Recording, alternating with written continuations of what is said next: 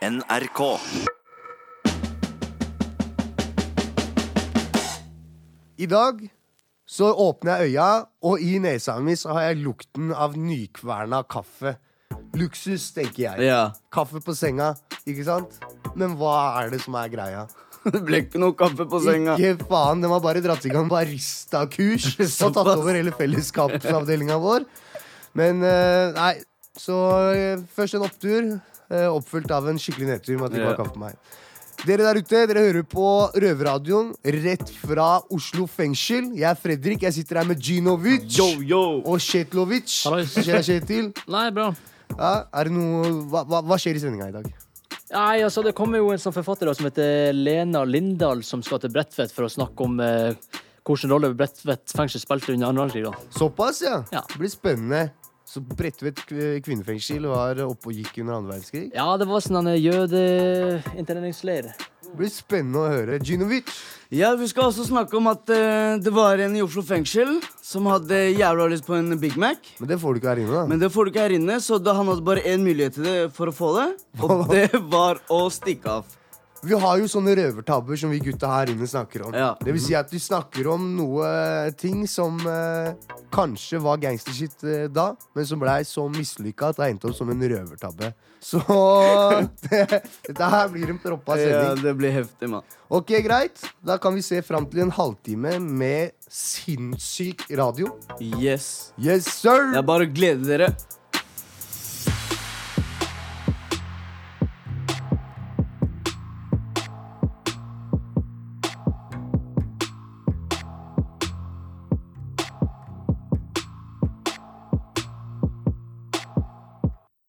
Hvis du tror at du har mista alt når du havner i fengsel, så tar du feil. Ja. Jeg står her med Gino, som nettopp har blitt fratatt TV-en sin. Som han hadde på cella. Hva skjedde, Gino? Eh, Jeg mista TV på rommet, ass. For grunn av- I går vi fikk eh, besøk av politiet i fengselet. Så begynte jeg å rope ut av 'fuck the police' videre. Men hvorfor det? Jeg, jeg liker ikke politiet, da. Jeg er ikke glad i dem. Hvorfor kommer politiet?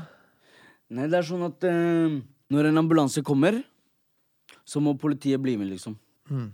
Men øh, visste du at du, du kunne miste TV-en om du hadde gjort det? Det visste jeg faktisk, ellers hadde jeg ikke gjort det. Fikk du noe advarsel i forkant? Ikke noe advarsel, ingenting. Bare operativlederen kom rett inn på rommet. Ja, Gino, du har ropt ut av vinduet. Nå mister du TV-en. Hvor lenge mister du TV-en nå? Tre dager. Men er ikke det kjipt, da? Uten TV?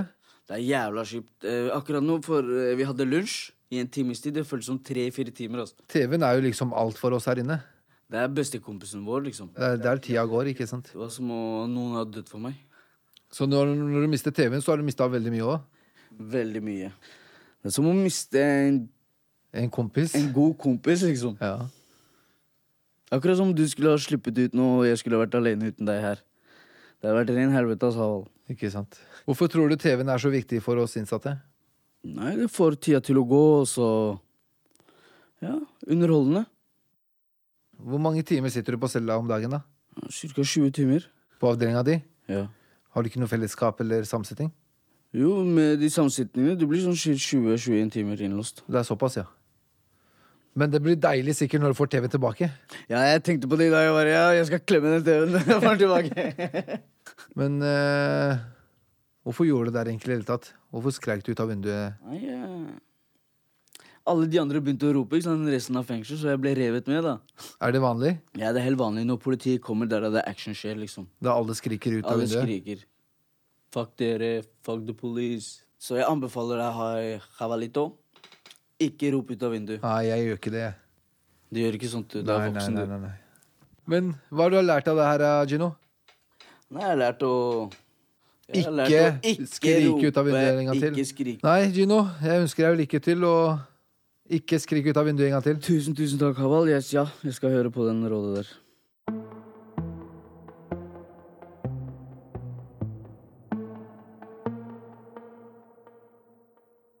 Ja, da skal vi sette trynene våre mot Mysen, og mer konkret Eidsberg fengsel, og skal høre hva gutta der nede har å si.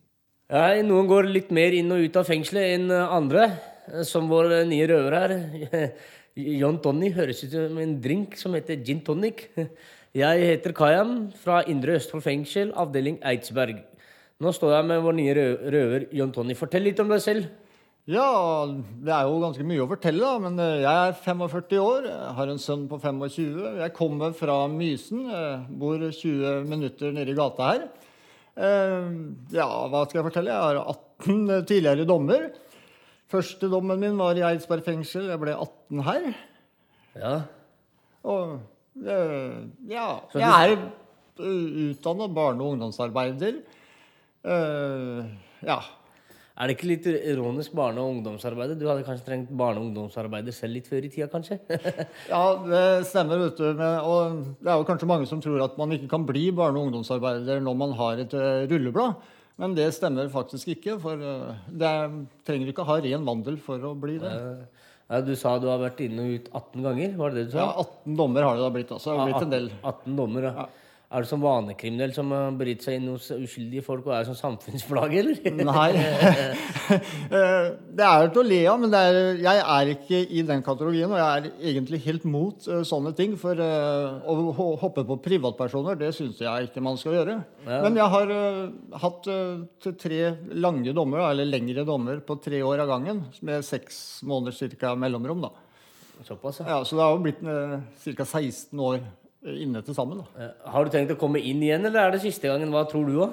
Ja, nå har jeg sagt at det har vært siste gangen mange ganger, da, men eh, nå det siste året her som jeg har vært ute, da, så har jeg rydda opp i livet mitt da, og rydda opp i, i alt sammen ute. For eh, du må jo ta tak i ting sjøl for å så bli fri eh, fra dette systemet som er ute. Ja, det er det alle sier. Jeg tror du har flere år i fengselet, for å være helt ærlig. ja, så, ja, du ser jo sikkert kjente folk som går på utsiden og sier hei, hei, hei, det er meg, Gin Tonic Nei, sorry, John Tonic. Ja. Ja, eh, jeg, jeg ser jo kompisene kjører forbi her hver dag, da, som får jobben og sånn. Og de eh, har jo jobb rett nede i gata her, så de tuter og sånn. Men da har jeg bedt dem å la være å tute, da, for det er litt småplagsomt. Ja, du, et spørsmål som øh, flere her øh, har egentlig stilt seg sjøl. Fins det folk i Mysen, for det første? Og fins det så mange kriminelle? Faktisk er det utrolig, men sant, så er det ganske mange kriminelle eh, her i Mysen. Eh, eh, eh, ja, du kan vel eh, Så finner de vel annethvert hus bortover her, nesten, vel. Ja. Eh, hvorfor, tror er, hvorfor tror du det er sånn at det er veldig mange kriminelle her i Mysen? Hva får deg til å tro det? Jeg, jeg tror at det kanskje ligger i at uh, folk som har bodd i storbyen og sånn, da, er lei av alt dette her øh, mas og jaget i storbyen med poliser som er etter deg hele tida og sånn, og så flytter de ut hit på landet da, for å prøve å bli kvitt uh, polisproblemet, da, men uh, de er like mye her, vet du. Ja, Fins det politi her òg? Ja, de sier så, men nå la de jo ned lensmannskontoret her, da. Så, så du ser vel kanskje politiet kanskje en gang i uka nå, da. Er du heldig? Ja, vi har kommet til det lovløse land. Nei, men eh, da sier vi takk for oss, og så hører vi litt mer fra John Tony etter hvert. Ja.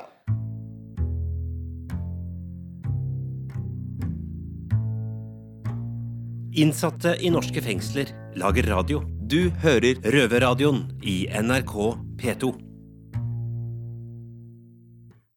Noen ganger så er vi så heldige at vi får besøk inn i Røverradioen og inn til fengslene våre. Og i dag er det Bredtvet kvinnefengsel som har vært så heldige og fått besøk av en forfatter. Og ikke hvem som helst forfatter, men Lena Lindahl, som skal fortelle litt om Bredtvet fengsel sin rolle under andre verdenskrig. Det har ikke alltid vært kvinner her på Bredtvet fengsel. Vi soner fengselsstraffen vår i et 100 år gammelt bygg med masse historie. For før det var kvinner, var det jøder som ble oppbevart her, som ventet på å bli sendt til konsentrasjonsleir under andre verdenskrig. Jeg heter Amela og har med meg Helga. Ja, hei, hei.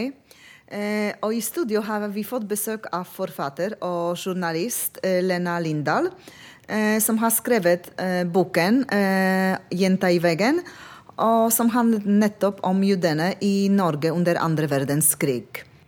Velkommen. Takk skal du ha. Hvorfor har du valgt å skrive om jødeforfølgelsen i Norge? Eh, Det er et tema som jeg syns blir mer og mer viktig i Norge i dag. Eh, Og så kom jeg tilfeldigvis over eh, en relativt skjult, ukjent historie om ei norsk jødisk jente som greide å overleve norske holocaust eh, to og et halvt år i en hytte. Takket være en venn som hadde bygd et hemmelig rom inne i en vegg. Nå sitter vi på Bredtvet fengsel, hvor Rover Radio sendes fra. Og hva vet vi om jødene som har sittet på Bredtvet? Jo, vi vet eh, litt. Eh, altså Familien til Betzy Rosenberg de satt eh, her. De kom eh, sammen med veldig mange andre jøder fra eh, Trondheim eh, og ellers nordover. Eh, da hadde det allerede vært en del her fra andre deler av landet. Eh, Nå satt de vel I begynnelsen av desember så var de 71 stykker her. Og i eh, slutten av februar var de 158. Eh, Vi vet at de eh, hadde det mye bedre her enn i leirer som f.eks. Falstad, som var, ligger nord for Trondheim, som var en konsentrasjonsleir hvor det foregikk brutale angrep på jøder, og også drap. De fikk nesten ikke mat, hadde dårlige klær. Da de kom til Bredtvet, eh, så er det noen som beskriver det som å ha kommet fra helvete til himmelen. Det var ikke det at de hadde det godt at problemene var løst. De visste ikke hvor, hvor de skulle henne. Men forholdene her var bedre. Forholdene var bedre her. Og det var ikke Det var kun øh, stort sett da unge menn som ble satt til arbeid. Men det var ikke det beinharde slavearbeidet som var i leirene. F.eks. på Berg og, ja, og Falstad, som jeg nevnte. I den boken eh, så nevner du eh, noen fragmenter av brev som ble skrevet. Kan du fortelle noen om det? Ja, eh, jeg fant noen brev, bl.a. blant annet eh, eh, skrevet av ei eh, ung dame som heter Rebekka Sokolski. Jeg kalte henne for Bex. Eh, hun var eh, 30 år, og hun satt her med ei datter på to og et halvt år. Eh, de ble eh, etter hvert også eh, deportert til Auschwitz, og de kom aldri mer tilbake. Men hun skriver jo da det nærmer seg jul, og de ønsker seg litt juleknask, og hun spør en venn om han kan være så snill å, sende det til dem. Og så sier hun at vi venter bare på at vi skal bli sendt til Polen, vi også. Så det er klart de hadde mm, hørt om ryktene, men de ante jo ikke hva de ryktene eh, faktisk innebar. Det var ikke bare en arbeidsleir som noen eh, trodde, det var også en utryddelsesleir. Eh, og det Dessverre, den eh, natta de ble eh, den natta de kom frem til Auschwitz, eh, det var natt til 3. mars, så ble de sendt rett i gasskammeret. Det er også brev fra en som heter Julius Partiell, som er en av de mest kjente tidsvitnene vi har. For han faktisk overlevde to og et halvt år i Auschwitz. Han satt også på Falstad og har i intervjuet sagt at han syns de verste opplevelsene han hadde, var der. Så det sier jo litt, om også hvor fæl, den leiren var. Men han, eh, han sitter her og forteller om eh, han og en som heter Leif, eh, som eh, etter forholdene har det bra. Eh, de, eh, de sier at det er eh, altså, De sier at faktisk at de kommet fra et helvete og opp i et paradis. Fordi de mente at eh, Bredtvet tross alt hadde eh, mat. Eh, de fikk eh, Det gikk veldig mye i eh, lutefisk og eh, litt sånn eh, ja, jeg tror også klippfisk. Eh, men hver søndag så fikk de lapskaus, og det syntes de var så flott. De var ikke vant med å få det oppe på Falstad. Eh, og de forteller om hvordan de eh, snek seg ut i gangen og ga eh, vakta litt skråtobakk så han gikk og la seg, så de kunne stå og flørte med jentene. Og, og hadde det egentlig ikke så aller verst i forhold til det, hvordan det hadde vært. Men det ligger også et veldig stort alvor. Han skriver f.eks.: Om kvelden når vi har lagt oss, må vi, for vi ligger nemlig ved siden av hverandre, så går praten ofte, og tankene også tilbake til de hyggelige ganger vi fikk lov til å være sammen. Og det her er da altså en eh, ung mann på 18 år som eh, sitter i en eh, fremmed by i, i fengsel fordi han er jødisk, og ingen annen grunn, sammen med andre. Barn, Det minste barnet var ett og et halvt år. For at her på Bredtvet så satt kvinner og barn, Kvinner og, og, barn menn, og menn. ja. sammen. De satt i en Mm. brakke, eh, for det var, det var eh, ikke plass ellers. Så de fikk en brakke. Og det var også han, samme Leif som han skrev brevet sammen med. Dette brevet ble skrevet før jul, men etter jul så var faktisk Leif en av de fire som greide å flykte. Fordi de hadde kontakt med motstandsbevegelsen, så hadde de en avtale om at en bil skulle stå eh, parkert eh, bak en sving her i fem dager på rad. Dvs. Si de hadde fem forsøk på å eh, greie å komme seg herifra. Og eh, luftepausen om kvelden var på 10-15 minutter. Eh, da måtte de greie å komme seg over et plankegjerde på 2,5 meter med piggtråd øverst. Så hadde de greid å få tak i trådsaks og greide faktisk å klatre over og komme seg over til eh, Sverige. Så det er bare å anbefale boken eh, 'Jenta i veggen', eh, skrevet av eh, Lena Lindahl. takk skal du ha. Da vil vi si takk for deg for at du kom. Tusen takk for at vi fikk lov å komme hit.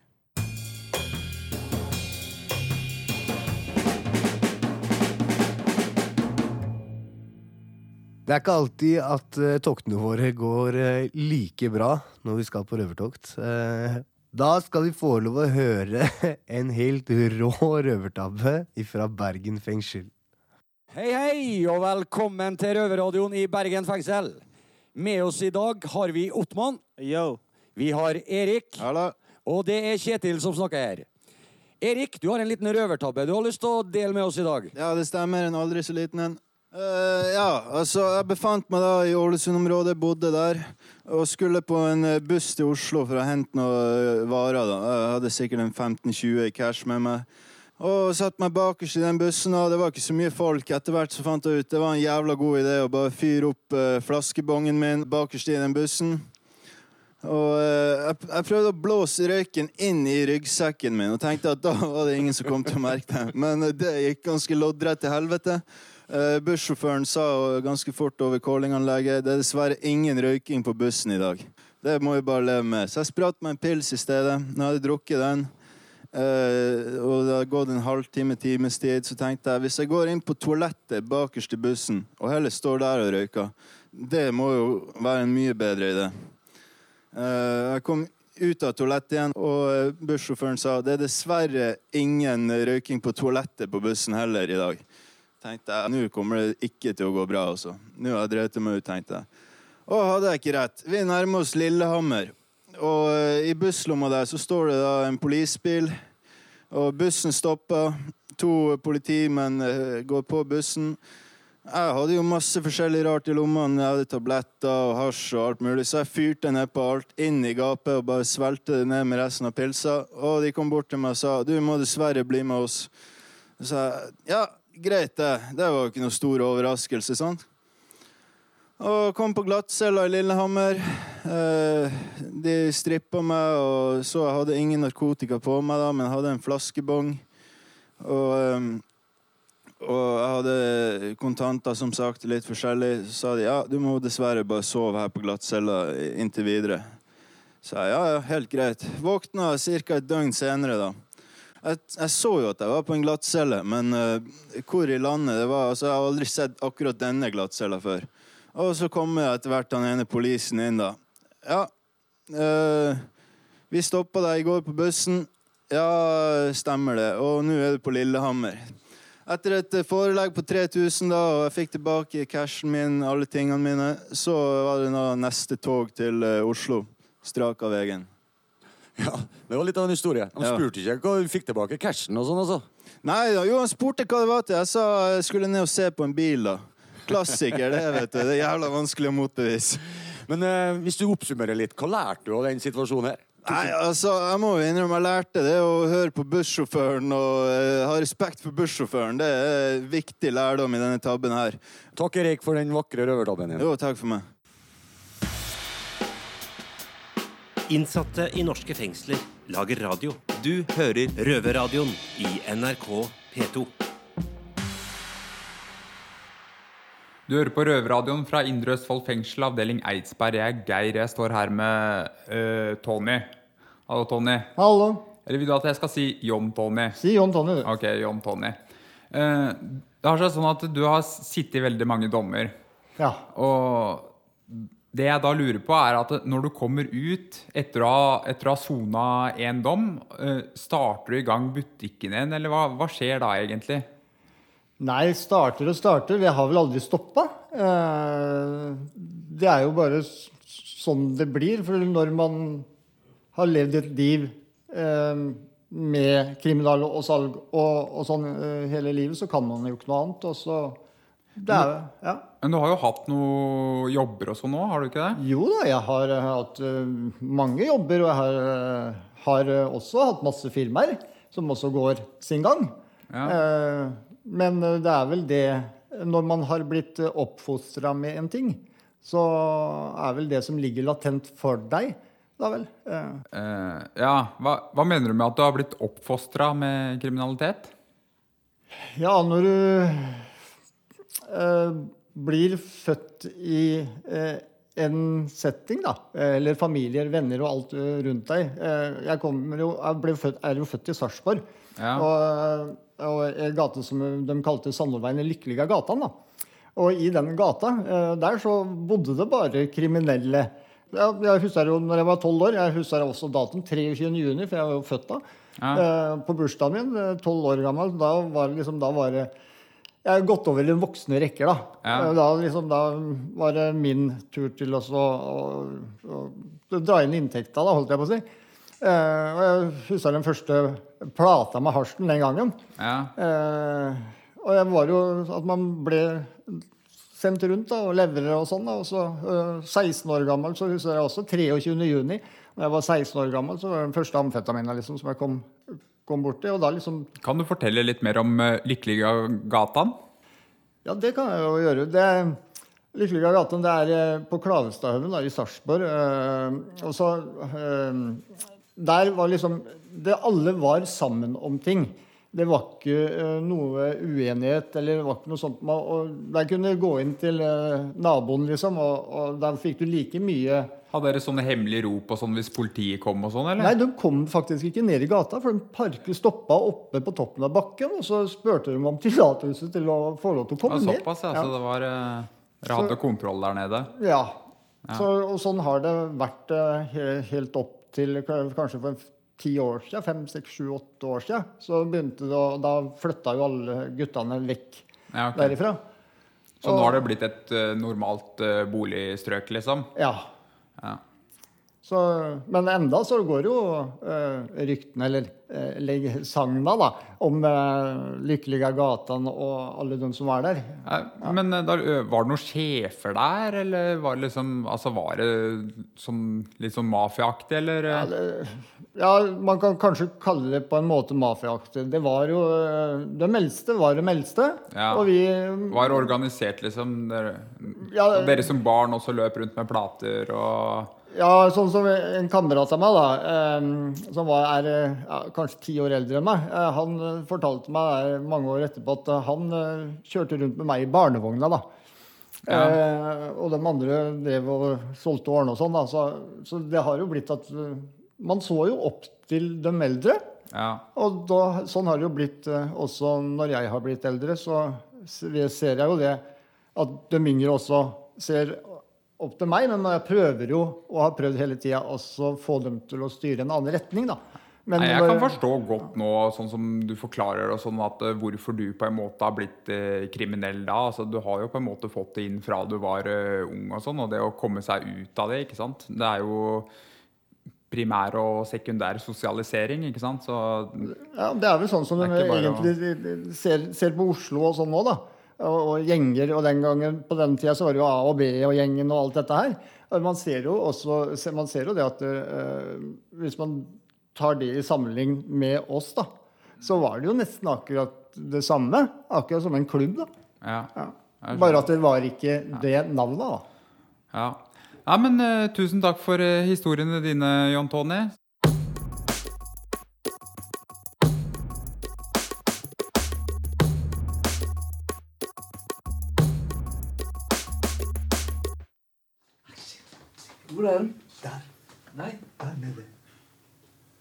Hva er det du driver med? Den som har rømt. Nei. Den som har rømt. Jo. Tuller du nå? Nei. Er det en som har rømt? Hvor er det han som har rømt den da? Du ser ikke den der? Den er borte. De er der ved den røde bygninga, sikkert. De gikk ikke inn der. Hvordan vet du at det er rømt? Vi så det, vi hørte det. Det virker litt sånn. Du hørte det? De sprang ut av alle portene og Og? Han løper, han løper, han løper. Og iallfall sånn 30 betjenter. Nei. Ja, eh, det har skjedd noe her i fengselet i dag som vi fikk med oss. Jeg heter Haval, jeg sitter her med Salman og Gino. Gino, hva er det som skjedde? Nei, vi var ute på balkongen og tok en røyk. Så plutselig vi så 10-15 betjenter bare begynte å løpe nedover. Ja. Vi bare 'Det er en som løper! Det er en som løper!' Han er der, han er der! Det var så nesten at du hørte som det var en som var på rømmen. Ja. Hva så du da, Salman?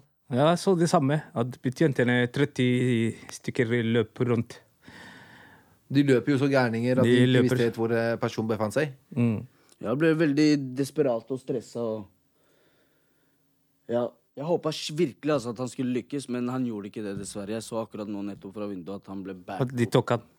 Ja, altså, det var virkelig synd. Men uh... Men er det, er det så lett å rømme fra fengselet her? Det er jo ikke det, da. Det er jo høye vegger med piggtråder og sånn. Så Det skal mye til, det skal mye tenkte- til for å Hva han tenkte på, egentlig. Hvordan han skulle komme seg over muren. Det lurer jeg på. Ja, det lurer jeg også på. Men eh, de løp inn på A-blokka, så Hvordan kom han seg dit? Kanskje det er en som har hoppa inn i fengselet? Ja, det Sånn har skjedd før, da. Det har jo skjedd før. Ja. Det der er sant, at han har hoppa inn i fengselet? Det var en utenfra som hoppa inn i fengselet. Han ble ble absolutt han inn. Han vil inn! Han vil inn, bror. Bytt med meg, mann. Kan det få noen konsekvenser for oss som sitter her? Ja, nå får vi Det heter noe rød alarm eller noe sånt. Rød lampe? Så, Ja. Rød lampe. Alt blir stengt ned i fengsel, alt blir låst inn. Ja. Så det er ikke sikkert vi får luft i dag. Jeg håper jo, det, da. løftet Nei, vi, luft har vi krav på uansett, da. Men, Vi har det. eh, vi har fellesskapet, de går utover fellesskapet. Vi som har fellesskap fjerde og femte Det er fjerde som har fellesskap i dag. Jeg som har fellesskap, og jeg som skal trene og sånn. Ja. Shit. Magemusklene mine Ja, det kan hende at vi blir låst inn når vi kommer opp nå. Det kan være. Ja.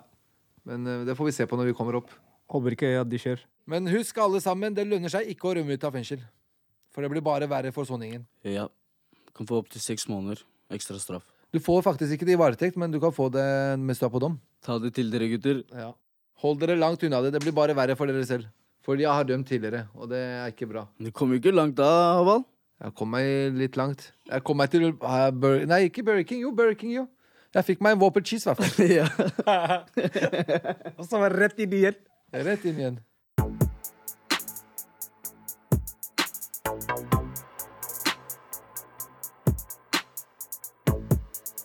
Ja, den uh, sendinga her levde jo opp til forventningene nok en gang. Jeg gjorde det. Og eh, Kjetil, Ja. har du noen høydepunkter fra dagens sending, eller? Ja, altså, rømningsforsøket var jo litt, eh, var litt eh, kult å høre på, da. Ja?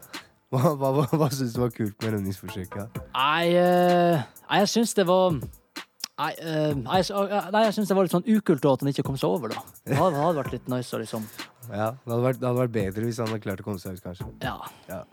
Eh, og jeg skal opp på cella nå. Legge meg ned. Jeg begynner å bli litt sjuk og dårlig. Så det blir å låses inn for min del. Hva er det du skal når du skal opp? Nei, jeg har jo eh, fellesskap, da. Ja. Og for de der ute som ikke vet hva det er, så er det et, eh, at du liksom får en sånn time da, felles med alle andre på avdelinga. Ja. Der du kan trene eller spille biljard Ikke sant? og chille. da. Så skal du se på film, rett og slett. Ja. Og hvis folk der ute skal høre oss, hvor er det de gjør det? P2 lørdager klokka 15.30. 15.30, og når du vil på podcast. Podcast, ja. Og så besøk eh, sida vår på Facebook. Da. Takk for oss. Takk for i dag. Oh, ja, ja, ha det, ha det. Ciao! Røverradioen er laga for og av innsatte i norske fengsler. Tilrettelagt for streitinger av Rubicon for NRK.